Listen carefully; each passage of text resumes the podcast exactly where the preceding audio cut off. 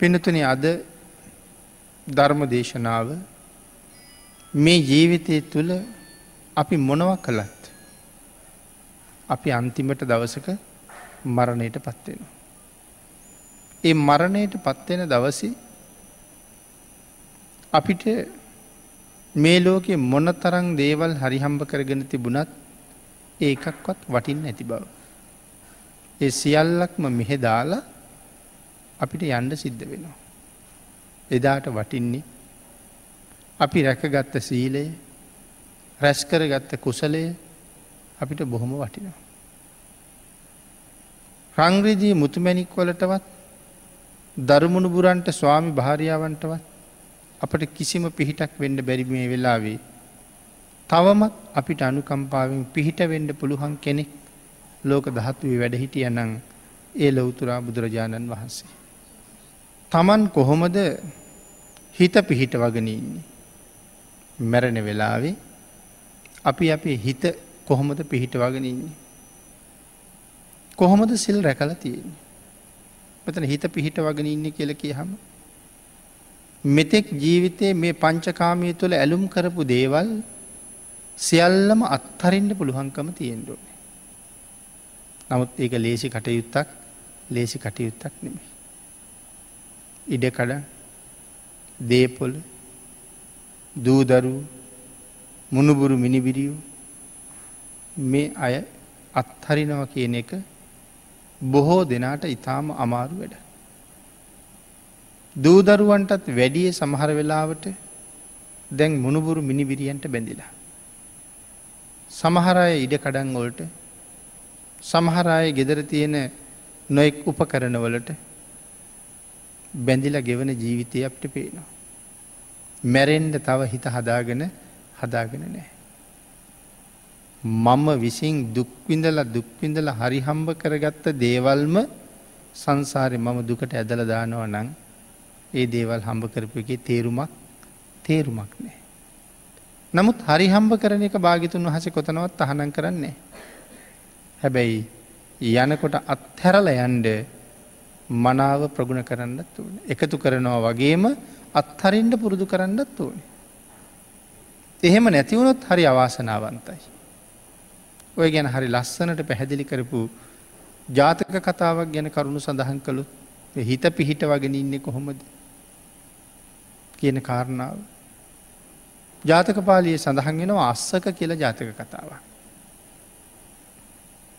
අස්සක රජ්ජුරුවන්ගේ බිසව රැස් විහිදෙන ශරීරයක් තියෙන කෙනෙ. මේ තරම් ලස්සනට රූපය තිබුණ රජ්ජුරුවන්ට පුදුමාකාර විදිහට සෙනහැස දැක්වා. රජ්ජුරුවොත් බිරිඳත් ඉතාම සතුටින් ජීවිතය ගත කළ. නමුත් හදිසියේ ඇතිවෙච් අසනීපයක් නිසා උපරි දේවිය මරණයට පත් වන. තමන්ගේ බිසවා කාලෙ මැරුණ රජ්ජුරුවන්ට දරාගණ්ඩ බැරූ ගිය. එහින්ද දේහය වලලන්ඩ දුන්නේ නෑ. විශේෂ මංජුසාවක් හදල විශේෂයෙන් පැසවගත්ත තෙල් සහ එ තෙල්වල මණ්ඩි මේ හදාගත්ත මංජුසාාවට දාලා දේවියගේ දේහය ඒකට බස්සලා තියල තිබ්බක් කුණුවෙන්ඩ නරක්වෙන්ඩ නොදී. නමුත් දුක පාලනය කරන්න බෙරි රජ්ජුරුවෝ මේ වෙනකොට දවස් හතක් නොකා නොබී අඩනවා. අපේ බුදුරජාණන් වහන්සේ ඒ කාලෙ බෝධිසත්ව ධර්ම සම්පූර්ණ කරනවා. හිමාලි වැඩඉඳලා රජ්ජුරුව ගැන දැනගෙන රජ්ජුරුවන්ගේ උයනට ඇවිල්ලා ගල්තලාවක් මත රම් පිළිමයක් වගේ වැඩ හිටිය. මෙතනින් යන පුරුෂයෙක් මේ අති ශ්‍රේෂ්ඨ රූපයක් දරන ගල්තලාව මත වැඩඉන්න මෙ තාපසතුමා දැකලා එතෙන්ට ඇවිල්ල වැන්ද. රටේ රජ්ජුරුව ගැන තොරතුරු ඇහුවා. ඔහු සඳහන් කළා දේවියගේ මරණයෙන් පීඩාවට පත්වෙච්ච රජ්ජුරු මේ දවස්සල නොකා නොබී අඩනවා කියලා. ඒ ලැවි සඳහන් කළා රජ්ජුරුව එක්ක එන්න පුළුහන්නන් මට රජ්ජිරුවන්ගේ ශෝකය නැති කරන්න පුළුවන්. මේ පුරුෂයක් කිව එක්ක එන්නම් කියලා. උපරි දේවිය මැරිලා ඉපදුනේ කොතනද කියලා කියන්න කිව්වා. රජ්ජිරුවන්ටත් ඒක දැනගණ්ඩත් ආසයි රජ්ජිරු ඒ නිසා උයන්ටාව. තාපසතුමත් එක ටික වෙලාවක් කතා කළා තාපසතුමා සඳහන් කළා මහරජ ඔය තරම්ම සෙනෙහස දක්වපු උපරි දේවිය මැරිල ගිහිල්ල ඉපදිච්ච තැන දන්නවාද කියලා. නෑ කීව. ගොම ගොඩක ගොම කුරුමිණියෙක් වෙලා. රජ්ජුරුකිව ඒක නං කීයටවත් පිළිගණ්ඩ බෑ. රජමාලිගාවේ මෙච්චර සැපවිඳපු කෙනා මේ තරං රැස් විහිදන රූපයකුත් තිබුණ කෙනා ගොම ගොඩක කුරුමිණියෙක් ඉපදුනා කියලගේ හම් පිළිගනීද බෑකීවා. මම ගෙන්න්නන්ඩද කියලැහ්වා ආකීවා. ගොමගොඩ ගෙන්නෙව්වා. අධිෂ්ඨාන කලා ගොමගොඩ ඇතුළේ ඉඳලා ගොමගුලියකුත් තල්ලු කරගෙන එලියටාව. දෙන්නෙක්. සඳහන් කලා මේ ඉන්නේ උපරි දේවිය. රජ්ජුරුකුව බෑ පිළිගන්ඩ. කතා කරවන්ඩද කියලෙහුවා. හා කීවා. කතා කිරුව කුරුමිණි දේනුවට. කතා කරලා තොරතුරු ඇහුව හම සඳහන් කලා මං මේ ආත්මෙ ලබන්ඩ කලින් අස්සක රජ්ජිරුවන්ගේ අග්‍රම හිෂිකාව. මං එදා රජ්ජිරුවොත් එක මේ උයනේ අස්සක් මුල්ලක් නෑර ඇවිදලා තියෙනවා. මේ උයන පුරාම රජ්ජිරුවොත් එක්ක ආදරයෙන් ප්‍රේමයෙන් වෙලිල මම ප්‍රීති වෙලා සතුටු වෙලා කටයුතු කරලා තියෙන. නමුත් අද මැරිල ගිහිල්ල ඉපදිලා ඉන්න තැන. මේ මේ තොරතුරු අහනවා තාපසතුමා රජ්ජුරුව කාරණාටික අහගෙන ඉන්නවා. අන්තිමට තාපසතුමා අහනවා තාමත් අස්සක රජ්ජිරුවන්ට ඒ තරම්ම ප්‍රියයිද කියලා. ඒ කාලෙනම් අස්සක රජ්ජිරුවන්ට ඒ තරම්ම ප්‍රියයි. හැබැයි දැම් ප්‍රිය නෑ. මොකද මන් දැන් ආය විවාහ වෙලා ඉන්නේ. දැ මට ස්වාමියක් ඉන්නවා. මේ ඉන්න අනි කුරුමිණිය තමයි මගේ ස්වාමියා. දැම් මම ප්‍රිය කරන්නේ මගේ ස්වාමියයට අස්සක රජ්ජිරුවන්ට නෙමි. දැන් මම මොහුට කොච්චර ප්‍රියයිද අස්සක රජ්ජිරුවන්ගේ ලේවලින් මගේ කුරුමිනි ස්වාමයාගේ පාද හෝදන්න මං කැමති කියල සඳහන් කළා. රජ්ජිරුවන්ට එතනින්ම මෙතෙක් තිබිච්ච ශෝකය ඔක්කොම ඉවර වුණා. රජ්ජුරුව පිරිසට අන කලා වහාම ඒ දේහේ ආදාහනය කරන්න කියලා. නමුත් රජ්ජිරුවන්ට සසරනන් තේරුණේ නෑ. මේ සිද්ධිය හරියට දැනුනන රජ්ජිරුව සංසාරයට කලකිරෙන්ට එපෙයි. මැරුණ කෙනා මාලිගාවෙන් අයින් කලා රජ්ජිරුව තව බිසවක් අරගත්තා. කලකිරුණ නං තව කෙනෙක් ගන්නේ ගන්න නෑ. අත් හැරිය නෑ එහෙම.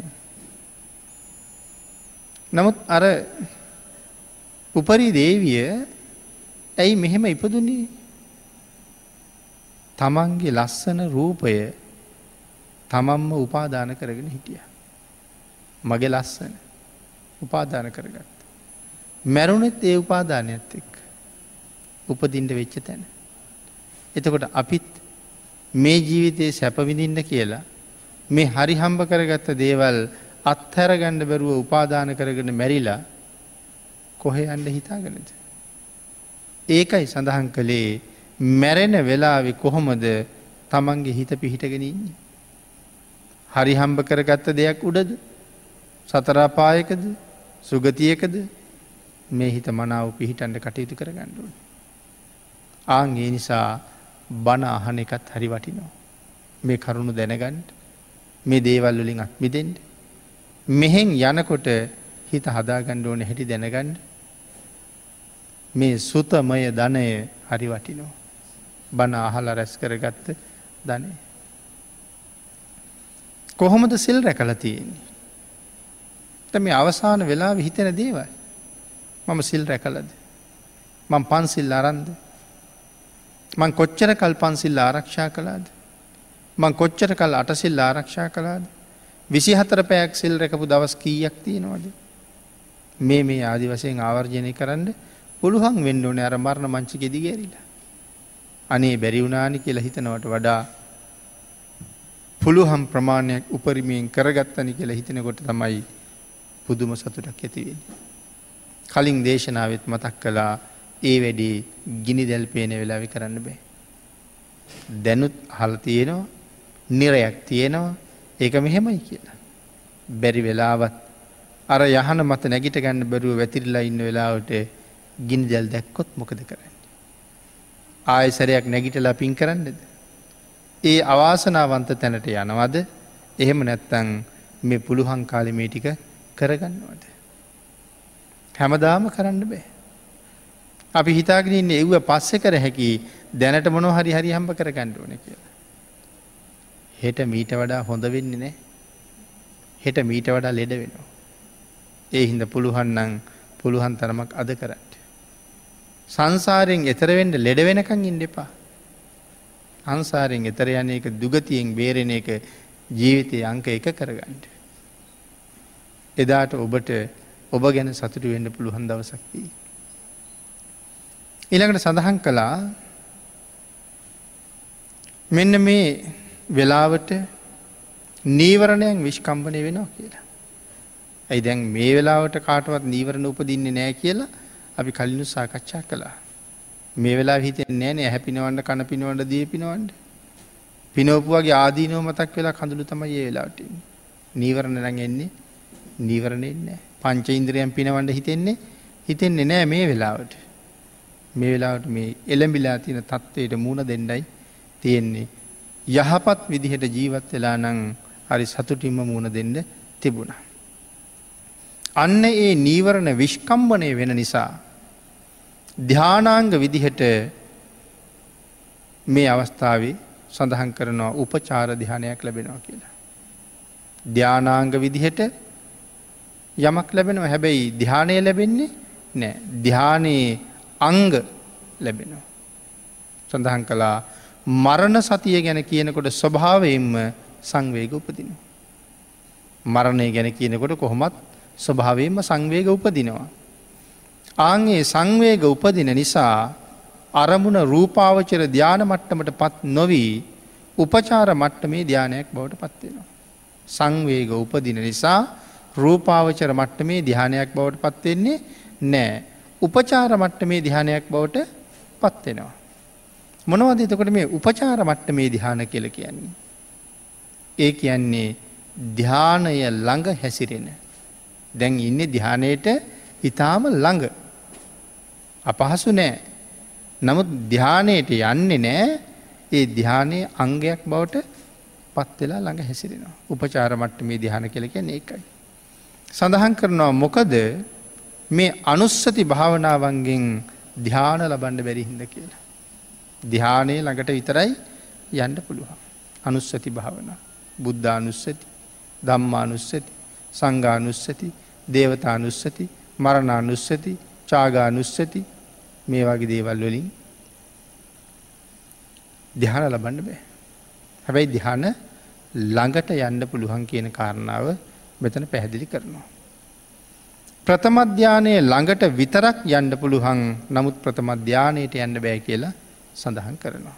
උපචාර ධ්‍යානයක් හැටියට විතරයි තියෙන්නේ කියන කාරණාව ඒ නිසාම සහිපත් කරනවා එකැන ධ්‍යානය ළඟ හැසිරෙනවා කියන එක. මරණය සිහිපත් කිරීමේ බලයෙන් උපචාර මාත්‍රයට පැමිණි නිසා මරණා නුස්සති කියන ගනයට යනවා.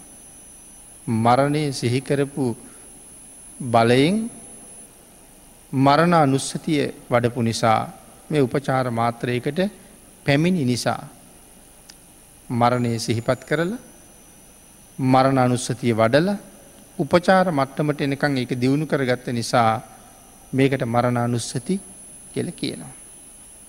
එවනතන් මරණානුස්සති කියන ගනයට මේක එකතු වෙනවා. මේ මරණ සතියට සඳහන් කරනවා යෙදෙන භික්‍ෂුව නිතරම අප්‍රමාදී වෙනවා. මරණ සතියේ යෙදෙන භික්‍ෂුව නිතරම අප්‍රමාදී වෙනවා. එතකොට භික්‍ෂුව විතරද අප්‍රමාදී වෙන්නේ. නෑ මරණ සතියේ යෙදෙන ඕනැම කෙනෙක් අප්‍රමාදී වෙනවා. නමුත් මේ කරුණු දක්වනකොට භික්‍ෂුව මුල් කරගෙන ඉන්න නිසා භික්‍ෂුව කියන කාරණාව පෙන්නලා තියෙනවා. අප්‍රමාදී වෙනවා. එකන්නේ තමන්ගේ මරණය නිතර නිතර මෙනෙහි කරන කෙන. හැම වෙලාම කුසල් කරන්න අප්‍රමාදී වෙනවා. දැන් සීතලයි දැන් පින්නයි දැන් රෑවෙලා වැඩි දැන් බෑ කියන කාරණාව ඔහුගෙන් පුළුවන් තරන් ගිලිහිලා ඇතට යනවා. අද හැන්දෑවේ බුද්ධ වන්දනාව කරගත්තේ නැත්තං මම හෙට වන්දනා කරන්න ජීවත්වයේද දන්නේ. ඊය කරපු වන්දනාව ජීවිතය කරපු අන්තිම වන්දනාව නොවෙන්ඩෝනේ මම අද දැන් බුදුන් වැඳගණ්ඩ ඕන කියන යුහුසුළු තැනටේ නවා. අද මගේ සිල් ආපහු ආවර්ජනය කරන්න ඕනේ. අද දවස මම තිරිසං සතකුටවත් දංවේලක් දීගණ්ඩ ඕනේ. මගේ තිසරණ සහිත පන්සිල් අද පිරිසිදු කරගණ්ඩ ඕනේ. මේ මේ කාරණාවල්ලට යෙදිලා හැම වෙලාවෙම අප්‍රමාදී වෙනවා. කියන කාරණාවයි මෙතන සඳහන් කළේ. සියලුම භවයන්ගේ නොයලෙන සංඥාව ලබනවා. මේ අප්‍රමාදී බවත් එක්ක කිසිම භවයක ඇලෙන් නැති පුද්ගලයෙක් බවට පත්වෙන්න අවශ්‍ය කරුණු කාරණා සකස් කරගණ්ඩ වීරය වඩනවා. ජීවත්වීමේ තන්හාාව අත්හරිනවා. මේ ලෝකයේ තව මොහොතක් මොහොතක් හරි ඉන්ඩෝන කියල තියෙනවනන් තන්හාාවක්. අපි හැමෝටම ජීවිතය පිළිබඳ තියෙන පුදුම තන්හාාවක්නේ. තවත් අපරයක් ජීවත්තෙන්ට පුළුවන්න්න අපි හරි කැමති. ජීවිත තන්හාාව කොච්චරද කියලා දැනෙන්නේ ජීවිතය විනාස වෙන්ඩ ආපු දවසට. දැනට ඒක එච්චර තේරෙන්නේ තේරෙන්නේ නෑ. නමුත් හදිස්සියේ කරදරයකට මූුණ පැවුත්. සරපයෙක් ළඟ හදිසිය දැක්කොත්. සිංහෙක් කොටියෙක් ළඟට ඇවිල්ල දැක්කොත්. හදිසියේ මාරංචි වුණොත් මේ ළඟ ළඟ විශාල ජලගැල්මක් එනවා තවටියෙන් අපිත් චටවෙනවා කියලා. අන්න ඒ වෙලාට තමයි ජීවිත තන්හාාවේ තරම තේරෙන්නේ. අගේ නිසා මෙතන සඳහන් කළා ජීවත්වීමේ තන්හාාව නවතිනවා කියලා. නැති කරගන්න. කවුද මරණ සතිය හොඳට වඩප කෙනා. දුවල බේරෙන්ඩ බැරිවුනත් අපි දුවනවා බේරෙන්ඩ කියලා හිතාගන්න. බේරෙන්ඩ බෑ දුවලා. මරණ එනවා. එමතන් ගින්නක් නම් ගින්න ජලය නම් ජලය එනවා. නමුත් අපි දුවනවා. නමුත් මරණ සතිය වඩල මේක හොඳට ප්‍රගුණ කරලා ජීවිතයට මූුණ දෙන්න බය නැති කෙනා ඒ මරණය කොයි විදිහට ආවත් පිළිගණ්ඩ ලෑස්තිී මොකද ඒක වේදනාකාරී දෙයක් වනත් මට මේ මොහොතේ මැරණකං විතරයි ඒ වේදනාව තියෙන මැරුණ ගමන් ඉතාම සුගතියක උපදින බව තමන් හොඳටම දන්න. නමුත් අනි පුද්ගලයා මේ මොහොතේ මැරුණ ගමන් මං උපදින්නේ අපාහිද කියන සැකය තිරිසන් ලෝකෙද කියන සැකේ තියෙන නිසා බීතියෙන් මරණයට පත්වෙලා සමහරලාට නිරේම උපදින. නමුත් මරණ සතිී තියෙන කෙනා හරි අප්‍රමාදී. එනිසා එයා බයනෑ. එනිසා මරණ අනුස්සතිය වඩන එක හරි වටිනවා ඕනැම වෙලාවක මරණයට මුණ දෙඩ ලෑස්ති වෙන්ඩ ඕනේ. පිනතුන එහෙම සඳහන් කළෙත් හුඟක් වෙලාවට මරණ සතිය වඩන්න කියල කීවට අපි අවුරුදු පහළුව විශ්ව ජීවත්තෙන්ට සැලසුම් හදනවා. මේ සඳහන් කරන්නේ ඒම සැලසුම් හදන්ඩ එපා කියලා නෙමේ. ලෑස්ති වෙනවා තව අවුරුදු පහළවක් ඉන්නවා මෙහෙම කරනවා මෙහෙම කරනවා කියලා ලෑස්ති වෙනවා. නමුත් ඒ සැලසුම් එහාට හදනකොට මෙහෙන් ඕනෑම වෙලාවක ඔයාතර මැරෙන්ඩ වුණොත් ඒ මරණය පිළිගණ්ඩ සැලසුන් ටිකත් හදල තියෙන්ඩ ඕනේ. කොතන මැරුණත් කමක් නෑ නමුත් පහලෝකින් කෙරෙන්ඩ තියෙන් දෙයක් තියෙනවලම් හිතනවා. පහලුවට මෙහැ මැරෙනවනම් මම ඒකටත් ලෑස්තිී. හැම වෙලාහම සූදානම්. ජීවත් වෙනවා කියලා කියන්නේ හරියටම බැලුවොත් මරණයට ලැස්තියෙනවා කියන එක. දුකක් නැතුව මැරෙන්ඩ සූදානන් වෙන ජීවත් වෙනවා කියල කිය. එතකොට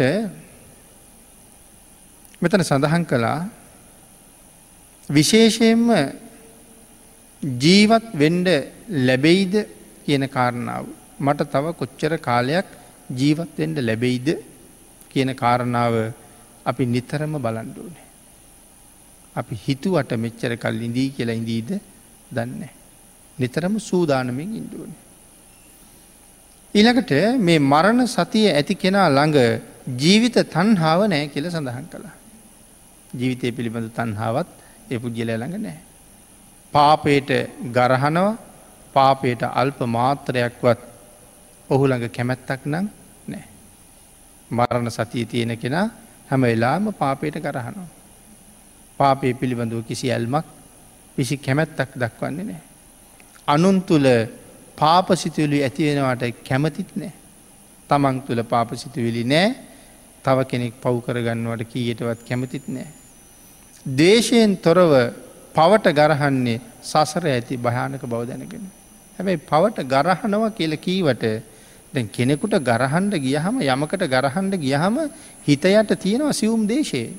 නමුත් මෙයා ගරහන්නේ ඒ තරහව හිතේ තියාගෙන නෙමෙයි තව කෙනෙක් සුගතිගාමී කරගණ්ඩ බලාපොරොත්තුවමයි ඒ ගැරහීම කරන්න. තමන් පින් රැස් කරනවා නිරන්තරයෙන්ම අනුන් තුළ පින් රැස් කරවන්න කටයුතු කරනවා. තමන් අකුසලයෙන් ඈත්වෙනවා අනික් අයත් අකුසලයෙන් ඈත් කරවීම සඳහාම වීරි වඩනවා. මසුරු මලේ නැති පුද්ගලයෙක් බවට පත්වෙනවා ඒ වගේම හැම වෙලාම පින් රැස් කරන පුද්ගලයෙක් බවටත් පත්වෙන මසුරු මල නැති කරනවා කුසල් රැස් කරනවා. අනිත්‍ය සංඥාව ඉතාම හොඳින් පුරුදු පුහුණු කරපු කෙනෙක් බවට පත්වෙනවා. මේ අනිත්‍ය ගැන මනා අවබෝධයක් තියෙනවා. මේ මරණ සතිය පුරාම ඔය අනිත්‍ය පිළිබඳව කරුණු සාකච්ඡා කළා. තනපතක් අග පිණිබිඳක් තියෙනවා නං ඒ කාන්තේම වැටෙන බවදන්නවා. ඉපදුනා නං යම් කෙනෙක් අනිවාර්යෙන් මැරණ බවදන්නවා. තනපත් අග තියෙන පිණිබින්දු හිරු රැසින් වේලිලා යන බවදන්නවා. ඉපදුනොත් යම් කෙනෙක් ඒ පුද්ගලයා මරණයෙන් කෙරවලෙන බව ආවිෂයාගේ කෙරවලක් තියෙන බව මනාව දන්නවා. ආං එහෙම දැනගෙන ජීවත්වෙන පුද්ගලයා පවට නං යොමු වෙන්නේ නෑ කියන කරුණයි මේ මේ තරං විශේෂයෙන් සිහිපත් කරන්න. අනිත්‍ය සංඥාව නිසාම උපදින දුක්ක සංඥාව හා ඒ දෙක නිසාම උපදින අනත්ත සංඥාවත් මනාව ඒ පුද්ගලයට ප්‍රගුණ වෙනවා. යම්සේ මරණ සතිය යමෙක් වඩන ලදනං ඒ පුද්ගලයා සිංහයන් ව්‍යාග්‍රයන් වලසුන් සර්පයන් මේ ආදී කෙනෙක් එළඹුණ හම කොහොමුවත් බයක් එයට ඇතිවෙන්නේ නෑ. කොහේරි යනකොට මේ කියන භයානක සත්තුන්ට මුණ පාණ්ඩ සිද්ධ වෙන. නමුත් බයක් නෑ මොකද සිංහයෙක් අල්ලා ගත්තොත් ටිකක් එයා ඉරලා කනකං විතරක් වේදනාව දැනෙනවා මැරුණගින් පස්සේ එතන වේදනාව දැනෙන්නෙත් නෑ වේදනාව තියෙන තැනකට යන්නෙත් නෑ බොහොම සුගතිගාමි තැනක තමයි ඒ පුද්ගලය උපදින්න. ආං ඒ නිසා මේ වෙලාව තමන් ළඟට මරලය එළඹුණොත් සාමාන්‍ය පුද්ගලයට බයක් උපදිනවද කියන කාරණාව හිතන්ඩුවන. සාමාන්‍ය අයට නම් එළඹෙන බයි සීමාවක් සීමාවක් නෑ. ඒ නිසා වෛරයත් ඇති වෙනවා ඒ හින්ද දවේශයත් ඇති වෙනවා. ඒ මොහොතේ උපදින දේශයයි වෛරයයි දෙකත් අපිට දවස කහානි කරනවා. අපි හිතන්නකු කෙනෙක් කඩුවක් කරගෙන ඇල්ල බෙල්ලක පණ්ඩ හදන. අපිට ඒ පුද්ගලයට මෛත්‍රී කරන්න පුළුවන්ද. ශාන්තිවාදී තාපසිතුමා වගේ ඉව සඩ පුළුවන්ද. එහෙම නං සමහරලාට වන්දී බැගෑපත් වෙයි පාදලෙවකයි ජීවිතය බේරලා දෙන්න කියලා. එහෙමත් නොකර කකුල්ල ළඟ පාත්වෙනකොට පයින් ගහ ගහ මරන්ඩමනන් ලෑස්ති වෙන්නේ බේරෙන්ඩම ක්‍රමයක් නැත්තං අපටත් සමහර වෙලාවට හිතෙන්නේ නයික් පොළඟෙක් වෙලා හරි කනවා කියන හැඟීම. ආන්ගේ සිතුවෙල්ල අපිට හරියට සංසාරය අනතුරුදායක වෙන. මොක දර අපි සමහර කතාවක සාකච්ඡා කරනවා ධර්මය පැහැදිලි කරනවා. අර එක කාන්තාවක් මැරුවා සිටුකු මාරුවරු හතර දෙනෙක් එකතු වෙලා. ඇය අන්තිමට තීරණය කලා මට බේරෙන්ඩ ක්‍රමයක් නෑ යක්ෂණයක් වෙලා මං මරණව කියල තමයි හිතුව. ඒ වෛර හිත මොන තරං විපාක දුන්නද අන්තිමට ඒ මරාපු හතර දෙනා එක්කෙනෙක් අනාගාමි වුණා පස්සෙ කාලි. එක්කෙනෙක් මහරහතන් වහස කෙනෙක් බවට පත් වුණ පස්සෙ කාලි. එක්කෙනෙක් සෝවාන් වුණා පස්සෙ කාලේ අනිත් එක්කෙනා සැරියුත් මහරහතන් වහසට දානයක් දීල නමුත් අන්තිමට දිවීලෝක ඉපදුනා. කෞුද මේ පොක්කු සාති මහරජ්ජුරුවයි ධාරුචීරිය මහරහතන් වහන්සේ සුප බුද්ධ කුට්ටි උපාසකතුමයි තම්බදාටික චෝර චෝරගහතකයේ මේ හතර දෙනාම මැරෙන්නේ එල දෙනක් කෙනලා. ඒ එල දෙන වෙන කවුරුවත් නෙමේ යක්ෂණයක් ඒ යක්ෂණය තමයි එදා වෛර කරපු කාන්තාව. වෙච්ච අපරාධයගේ වෛරය නිසා. මහරහතන් වහන්සේ නමක් ගහතනය කරලා ඇයි අවිචී. නමුත් රහතන් වහස සංසාරින් යන්නම ගිහින්ද. අනාගාමින් වහන්ස නමක් ගහතනය කළා උන්වහන්සේ මෙහෙන් අපවත් වෙනකොටම බඹලෝ උපදිනවා. සෝවාන් වහන්සේ තෞතිසාවියපදුනා. ඒ අයි දෙව් සැප බඹ සැප විදිනකොට. වෛරයෙන් පිරිච්ච ඇය අදත් අවිචී දුක්විදිනවා. එතකොට එහෙම නං මරණය ළඟ හිත හදාගණ්ඩ බැරි අපි අසරණ වෙනවා. අපි ගෙවල්වල ජීවත්වෙන කොටත් ඕන තරම් හොරු හතුරු පැනල ඇනල කපල කොටල විනාශ කරනවා. ඒ මොහොති තියෙන වේදනාව මිස මම ආය දුක්කිත තැනකට යන්න ෑනි කියල හිත හදාගන්ඩ. අපි එහෙනම් මේ සංසාරය මොන තරම් මේ හිත දියුණු කරලා තියෙන් ඕනෙද. කුසලයෙන් පෝෂණය කරලා තියෙන් ඕනෙද. භාගිතුන් හස දේශනා කළේ අඥ්ඥානයට මේ කය තමන්ට මහතුරෙක් වෙනවා කියලා. අඥ්ඥානයගේ කය අඥ්ඥානයට මහතුරෙක් වෙනවා. අඥ්ඥානයගේ ශක්තිය මට හොඳට හයිය තියෙනවා කියලා ඕනම කෙනෙකුට අහුච්චම ගහන. ඒකින් රැස් කරනවා පව්. හොඳට ප්‍රඥාව තියෙන කෙනෙක් ඒක සංසාරයෙන් එතර යන්ට නෙමෙයි කපටිකමට වංචාවට හොරකමට ඒ ප්‍රඥාව පාවිච්චි කරනවා. අපිට වඩා දක්ෂ නැද්ද තුවක් වූ හදපු මිනිහ. අපිට වඩා දක්ෂ නැද්ද බෝම්බෙ හදපු කෙනා අපිට තුවක්කු හදන්ඩත් බෑ අපිට බෝම්බ හදන්ඩත් බෑ.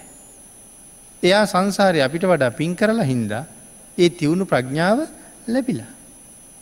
නමුත් ඒක යොදල තියෙන්නේ සංසාරයෙන් ගැලවෙඩ නෙමෙයි සසරට බැඳෙන්ට. ආං ඒක හින්දා අපේ ප්‍රඥාව දැනුම ලස්සන උස මහත ශක්තිය මේ හැම දෙයක්ම අඥ්ඥානයට තමාව මහතුරෙක් බවට පත් කරවුණු.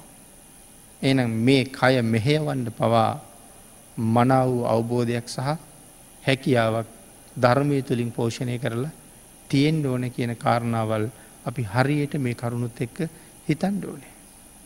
කෙනෙකුට පුළුවන්නම් හොරකමක් කිසි කෙනෙකුට අහුවෙන් නැතුව තීක්ෂණ විදිහට සැලසුම් කරන්න. එයා ඒකින් ආඩම්බර වෙනවා ඔය සැලස්ම හැදුවේ මම කියලා. නමුත් එයාට ඊට වඩා ආඩම්බර වෙන්ඩ පුළුවන් ඒ ප්‍රඥාව පාවිච්චි කලා නං පාපයෙන් බේරෙන්ට. ඒක හැමදාම තියෙන වටිනකමක් වෙනවා. නමුත් එහෙම වෙන්නේ වෙන්නේ නෑ. ඒකයි මෙතන කරුණු දක්වන්නේ මනාව ජීවිතය කළමනා කරණය කරන්න පුළුවන් වෙන්න ඕනේ. ඉළකට පින්නතන යම් කෙනෙක් මරණයට සූදානම් නං ඒ පුද්ගලය හැම වෙලාම සතුටුයි යම් කෙනෙක් සූදානන් නැති නිසා ඔහු අතිශයින්ම තැතිගන්නවා වැලපෙනවා. මැරණ වෙලාවේ බීතියට පත්වෙනවා බැලපෙන්ඩ පටන් ගන්න. මොකද සූදානන් නෑ. සිහිය පවත්වන්ඩ ඒ පුද්ගලයට බැරුව යනොය වෙලාවට. නමුත් මරණ සතිය වඩපු කෙනා තමන් හොඳටම දැනගෙන හිටිය මරණය තමන් ළඟට ආව කියලා බයක් ඔහුට දැනෙන්නේ නෑ. මොකද ජීවිතයේ සෑහෙන කාලයක් මේ මරණය ගැන හිතල හිතල හිතල හිතල දැනගෙන ප්‍රගුණ කරලා ඉන්නේ මැරණ බව හොඳටම දැනගෙන හිටිය. ඒ හින්ද බයක් බයක් එන්නේ නෑ. ඉළඟට සඳහන් කලා ඒ පුද්ගලයට කලබල බවකුත් නෑ මොකද ඒ සඳහා හැම වෙලාම ලෑස්ති වෙලා හිටිය. මොකෙටද ලෑස්ති වෙලා හිටියේ මැරෙන්ඩ ලෑස්ති වෙලා හිටිය. සඳහන් කරනවා යම් කෙනෙක් පැමිණෙන තුරු බලං හිටිය වගේ තමන් මුණගැහෙන්ඩ කෙනෙක් එනවා කියලා තියෙනවා එයා එනකං බලාගෙන හිටිය වගේ මරණය පැමිණෙනකං බලාගෙන ඉඳලයි තියෙන. තමන් එනකම් බලාගෙන හිටපු කෙනා ආපුහම ඔහුත් එක්ක යම් කාරණාවක් යොදාගෙන තිබුණනං ඒකට යෙදෙන වගේ මරණය එනකං බලාගෙන හිටියේ එහෙනම් දැන් මරණයත් එක්ක යන්ඩයි තියෙන. මගට වෙලා ඉන්නවා යාළුව එනක. යාළුවා හම යනවා. මෙතනටලා බලාගෙනන්නවා මරණයනකං දැන් ආව මාර ඇත්ත එක යන්නයි තියන්නේ. බය බය නෑමකද ජීවිතයේ ඒක හොඳට ප්‍රගුණ කරලා තියෙන නිසා. අන්න ඒ වගේම සඳහන් කරනවා ඒ නිසා මේ ජීවිතයේදීම රහත්තෙන්ඩ මේ මරණ සතිය ප්‍රධාන කාරණාවක් බවට පත්වෙනවා කියලා. එනම් මරණ සතිය අර්හත්වය දක්වාම ගෙනියන්න පුළුවන් ශ්‍රේෂ්ඨ භාවනාව. එනිසායක හේතුවෙනවා කියල සඳහන් කරනවා. සචයේ දිට්ටේව දම්මං අමතං නාරාදේති. ඉඳින් මේ ජීවිතයේදීම අර්හත්වය ලබන්ඩ නැත්තං කය බිඳීමෙන් පසු සුගතියක් කරා යන පුද්ගලයෙක් බවට පත්වෙනවා. කවුද මරණ සතිය දියුණු කරලා තිබුණ කෙනා. එම නිසා නුවන තියෙන පුද්ගලයා ඒ කාන්තයෙන්ම මේ මරණයෙහි යෙදෙන. මරණ සතියෙහි යෙදෙනවා ප්‍රඥාව තියෙන කෙනා. ඒ නිසාම මරණ සතිය හැම කල්හීම මහානු භාව සම්පන්නයි. පින්නතින මෙන්න මේ තමයි මරණ සති භාවනාව පිළිබඳව විස්තර කතාව. ඊළඟට තියෙන්නේ මෙතෙක් සාකච්ඡා කරපු කාරණා ටික නැවත කෙටියෙන් ආවර්ජනය කරලා කොහොමද මරණ සතිය වඩන්නේ කියන කාරණාව සාකච්ඡා කරන්නට. අපට ධර්ම දේශනාව නිමාවීම සඳහා තව ටික වෙලාවක් තියෙනවා ඒ වෙලාව තුළ මෙතෙක් කලින් කතා කරපු කාරණා අට මරණ සතිය වඩන ආකාර අටක් තියෙනව කියල සඳහන් කළන්නේ අපි එක ඉතාම කෙටියෙන් ආවර්ජනය කරගම්. පළමුුවනි පියවර තමයි වදකයෙක් එළඹිලා ඉන්නවා වගේ ජීවිතය ගැන හැම වෙලාවෙම හිතන්ඩ ඕනේ මගේ ළඟ වදකයෙක් ඉන්නවා කියලා. අපි කලින් දේශනාව කතා කලා ඒ වදකයා යන්න යන්න තැන පස්සෙන් ඇවිල්ල ඉන්න. කොයි වෙලාවෙ කොටයිද දන්න. හිතන්නකු. දැන් මේ වෙලාවේ මගෙල්ළඟ වදකයෙක් ඉන්නවනං. ඇත්තටම මට පව් කරන්න හිතෙනවාද. මෙයා කඩුවා මෝරගෙන ළඟ හිටගෙන ඉන්නවා මං පව් කරනවා. එහෙම කවදාවත් හිතෙන්නේ කවදාවත්ම හිතෙන්නේ නෑ. එහෙනම් ඇත්තටම වදකයා කඩුවාරගෙන පිටිපස්සේ ඉන්නවා පේන්නේ නැති වුණාට ඒ වගේම තමයි මරණය ඕනැම වෙලාවක එන්ඩ පුළුවන් එනම් පව්කර කර ඉඳල හරියනවද නෑ පවෙන් වැලකිලා පිම්මයි කරන්නුව. වදක පච්චු පට්ටානය මරණය මෙනෙහි කරන්ඩ කඩු ආරං නිතරම වදකයා පස්සේ ඉන්නවා කොයි වෙලාවෙ බෙල්ලට පාත්වීද දන්නේ නෑ. ඕක මෙනෙහි කරන්න කීවා මේක ගැන විස්තර මේ දේශනාව අප ඉතා දීර්ගව සාකච්ඡා කරලා තියෙන. දෙවැනි පියවර අපට තියෙන දේවල් නැතිවෙන ස්වභාවය කල්පනා කරන්න ඕනේ. මරණ සතිය දෙවනි පියවර. අපේ ඇඟ වෙනස් වෙන හැටි. අපි තියෙන දේවල් නැතිවෙන හැටින කල්පනා කරන්න කිවී. එහෙනම් මගේ තියෙන මේ රූපයත් වෙනස් වෙනවා. මගේ මේ ඇගේ තියෙන පෙනුම ඒ සියල්ලම වෙනස් වෙනවා. එන මට අහිමිවීමක් තමයි එතන තියෙන.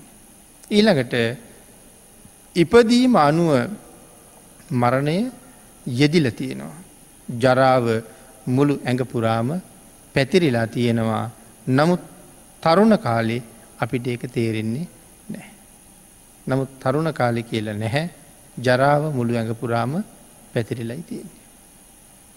අන්න ඒක නිසා වෙනස්වීම වේගෙන් සිද්ධ වෙනවා අපිට තේරෙන්නේ. ඇස් ක්‍රමයෙන් නොපෙනී යනවා කන් දෙක ක්‍රමයෙන් නෑහී යනවා කටේ තියෙන දට්ටික හැලිල යනවා. වචර ප්‍රකාශ කරන හැටි වෙනස් වෙනවා. හඬ වෙනස් වෙනවා. සමහර වචන කාලයක් යනකොට තේරෙන්න්නෙත් නැතුව යනවා. මේවාගේ ශරීරයේ ක්‍රමක්‍රමයෙන් ක්‍රමක්‍රමයෙන් වෙනස් වෙවී වෙනස් වෙවී යනවා. කළු කෙස් සුදු වෙනවා. කළු රැවුල සුදු වෙනවා. ඇඟ එල්ලා වැටෙන්ට පටන් ගන්නවා. නහරවැල් ඉලිප්පෙන්ඩ ගන්නවා. ඇටකෝටු මතුවෙන්ඩ ගන්නවා. එහෙනම් අපට තියෙන දේවල් මොහොතක් මොහොතක් පාසා වෙනස් වෙන්ඩ පටන් ගන්නවා අහිමි වෙන්ඩ පටන් ගන්නවා කියන කාරණාව අපි වටහ ගණ්ඩුවන. අන්න ඒ විදිහට තියෙන දේවල් නැතිවීම ගැන කල්පනා කරනකොට ජීවිතෙත් මොහොතින් මොහොත නැතිවෙනවා කියන කාරණාව අපිට වැටහෙන්ට පටන් ගන්නවා.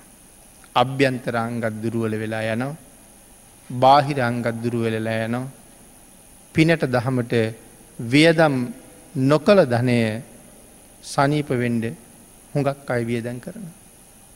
වෙනස් වෙවී වෙනස් වෙවී යනවා. අසනීප වෙනවා. ධනය ඕන තරන් තිබුණ. හැබැයි පිනට දහමට වියදැංගුණේ වියදැංගුණේ නෑ. සමහර කෙනෙක් පින් තකා කෙනෙක් යමක් ඉල්ලන්ඩාවත් වෙහෙරක් හදන්ඩ විහාරයක් හදන්ඩ බෝමලුවක් හදන්ඩ රුපියල් විස්සක් විතර දෙන්නේ. එක තියෙන ප්‍රමාණය වෙන්ඩ ඇති. හැබැයි නැති වනත් හැන්දෑවට අරක්කු බෝතලයක් ගණඩ එක් දස් පන්සියක් විතර දෙන්න මැලිවෙන්න නෑ එදාට ගෙදරය කෑවත් එකයි නැතත් එකයි. එනම් පිනට දහමට දෙන්න ඇති සල්ලි අකුසලේට ඕන තරංගය දෙනවා. පිනට දහමට දුන්න ඇති සල්ලි නිරෝගි වෙන්න ඕන තරං යොදනවා. නමුත් ඒකයි හැමදාම පවත්වන්න බෑ.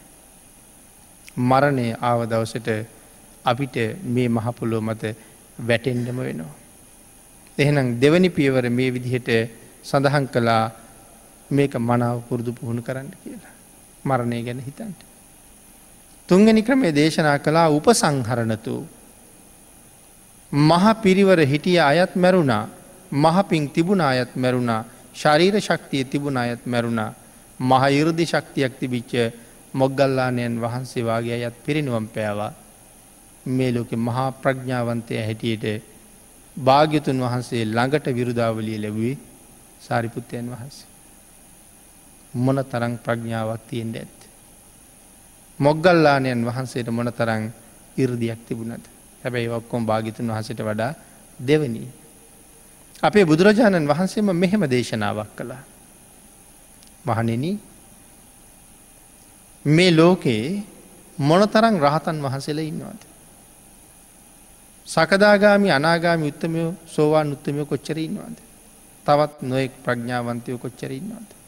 භාග්‍යතුන් වහන්සේ හැර මේ ලෝක ජීවත්වෙන සියලු දෙනාගේම ප්‍රඥාව. මේ කියන්නේ මුගලන් මහරහතන් වහසගේ මහාකාශිප මහරහතන් වහසගේ ප්‍රඥාවිදලා. ඒ සියලු දෙනාගේම අවබෝධය එකට එකතු කරලා. යම් තැනක තියෙනවද ඒ අවබෝධ ඥානය ඒ ඥානය සාරිපුත්තයන් වහන්සේගේ තනි ඥානයෙන් සොලොස් කලාවෙන් එක කලාවක් තරංගවත් නෑ කියලා.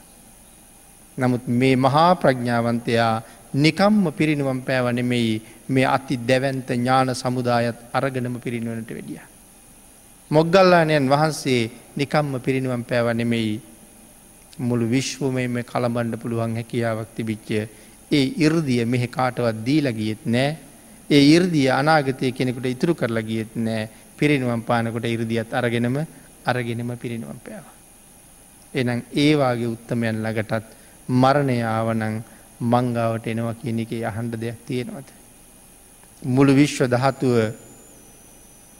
අමාදියෙන් සෝදලාදාපු ලෝක සත්වයාගේ අපා මග වහලා දෙව්ලෝ මග විවෘත කරලා නිවන්දොර ඇරලදීපු ලෝකයට පායපු අමා හිරක් බඳුවෙච්ච ලෝකයට අමා පිඩක් බදවෙච්ච ලොවතුරා බුදුරජාණන් වහන්සේත් කෝටි ගණන් ධ්‍යානයන්ට සමවැදිල සමවැදිල සමවැදිලා මහ ගිනියංගුරු කඳක් වගේ මහ ගිනියංගුරු වලක් වගේ අන්තිම මොහොතේ දිලිසිලා දිලිසිලා දිලිසිලා එක පාරම ගිනි අඟුරු වලට මහ වැස්සක් වැස්සොත් මොකද වෙන්නේ භාගිතුන් වහසේ දිලිසිලා දිලිසිලා එක පාරම එක පාරම නිමිල ගිය.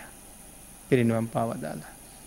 මේ විලිල්ලැක් ජනැති මාරයා ලොවතුරා බුදුරජාණන් වහන්ස ළඟටත් ආවනං මංගාවට එනවා කියන එක අහන්ඩ දෙයක් නෑ නේද කියන කාරණාව මනාව මෙනෙහි කරන්නඩුවන මේ භාවනාවත් එක්. උපසංහරණතෝ කියන කාරණාවෙන් ඔය කරුණු මේ කෙටියෙන් කෙටියෙන් දක්වන්නේ මේ කරුණු හැම එකක්ම විස්තර කරලා තියෙන හින්ද. හතරවෙන කාරණාව කාය බහු සාධහරණතු මේ කය අපි ඔක්කොටම සාධහරණයි. මේ මගේ ඇඟ නමුත් මේක මට විතරද සාධහරණය මේ අනික් අයටත් සාධහරණයි. අනික් අයටත් අයිති. කවුරු හරි ගලක් ගැහූත් වදින. මේ ඇඟ ඇසුරු කරගෙන පනුව කොච්චර ඉන්නවාද. කෘමි සත්තු කොච්චර මේ ඇඟ කනවාද. ඇතුළෙනුත් කනවා පිටිකුත් කනවා. ඒ තරන් කෘමීන් නිසා අපිට එක තේරෙන්නේ තේරෙන්නේ නෑ. පේන්නේ නෑ. නමුත් ඔවු මේ කය කාගෙන කාගෙනයන්න. නමුත් මමත් ජීවත් වෙනවා. ඒ අය මේක කනවා මමත් ජීවත්වෙනවා. මට ජීවත්වෙනවා කියලා කීවට ඒ අය ප්‍රමාණයකට කනකං විතරක් මට ඉන්න පුළුවන්. බැරි වෙලාවත් කන ප්‍රමාණය වැඩිකිරුවොත් නොවේද මට මැරෙන්ඩම සිද්ධ වෙනවා. ප්‍රමාණීක්මවා කෑවොත් මම මැරෙනවා. කාය බහු සාධහරණතු පනුකුල අසූ හතරකට මේ අයි විවෘතයි කියලා සඳහන් කරනවා. ඊට අමතරව සඳහන් කරා ආයුෂයේ ඇති දුරුවලතාවේ අපේ ආයුෂයේ දුර්වල බවක් තියෙනවා. ඒකට කියනවා ආයු දුබ්බලතාවය කියලා. මරණ සතිය වඩන පස්වැනි ක්‍රමේ. ආයු දුබ්බලතාවය. ආශ්වාස ප්‍රාශ්වාස හැම විටම තියෙන්ට ඕනේ. හුස්ම ගණ්ඩෝනේ හුස්ම හෙලන්ඩෝනේ. නමුත් සඳහන් කළා සතර ඉරියව්ව මනාව පැවැත්විය යුතුයි. සීතල උෂ්ණය මනාව ඉවසිය හැකි විය යුතුයි. සතර මහා භූතයන් අපට අනුකූල විය යුතුයි. මේ ආයුබ්බරය ගැන කතා කරනකොට. ඉහලට ගත් හුස්ම පහලට හෙලන්ට බැරිවුණොත් ඒත් මැරෙනවා. පහලට හෙල හුස්ම ඉහලට ගණඩ බැරිවුණොත් ඒත් මැරෙනවා. එනම් ආශ්වාස ප්‍රශ්වාස මනාව තියෙන්ඩුවන. සතර ඉරියව්ව මනාව පවත්තන්න පුළුහම් වෙන්ඩුවන. ඉඳගණ්ඩ හිටගණ්ඩ ඇවිදින්ට සැතපෙන්ඩ පුළුහංකම තියෙන්ඩුවන. සීතල උෂින මනාව ඉවසන්ඩ පුළුහංකම තියෙන්ඩුවන. සමහරයි සීතල වැඩි වෙලා මැරෙනවා සමහරයි උෂ්ණ වැඩි වෙලා මැරෙන. සතර මහා භූතයන් අපට අනුකූල විය යුතුයි. පටවි ආපෝතේජෝ වායු මේ ධර්මතා අපිට එක්කෙනෙක් හරි අකීකරුණොත් අපි ලෙඩෙක් වෙනවා. සමහර ලෙඩ අත පයි දිගාරින්ඩවත් බැරුවෙන. පට විදහතුව කිපිලා. මේ තද බව ඇති වෙලා දරදඩු වෙලා අත පයිදි ඇරගණ්ඩ බැරි තත්වයට පත් වෙලා. නමුත් මේ සතර මහා භූතික ධර්ම නොකිපෙනතා කල් අපි මෙහෙම ඉන්නවා එක්කෙනෙක් හරි කිපුණොත් මේ ජීවිතය මීට වඩා හුඟක් වෙනස් වෙනවා. ඊළඟට පින්නතන තම ආයුෂයේ ඇති දුබලතාවේ මනාව මෙනෙහි කරන්න වන ඉතාම දුරුවල ආයුෂයක් තමයි මම මේ අරගෙනන්නේ. ඒ දුරුවල ආයුෂය කොයි වෙලා නැතිවේද දන්නේ නෑ. කියන කාරණාව මෙනෙහි කරන්න ඕනෑ එනම් ඒ දුරුවල ආයුෂයේ ඔබටත් තියෙන්නේ එක මටත් තියෙන්නේ එක.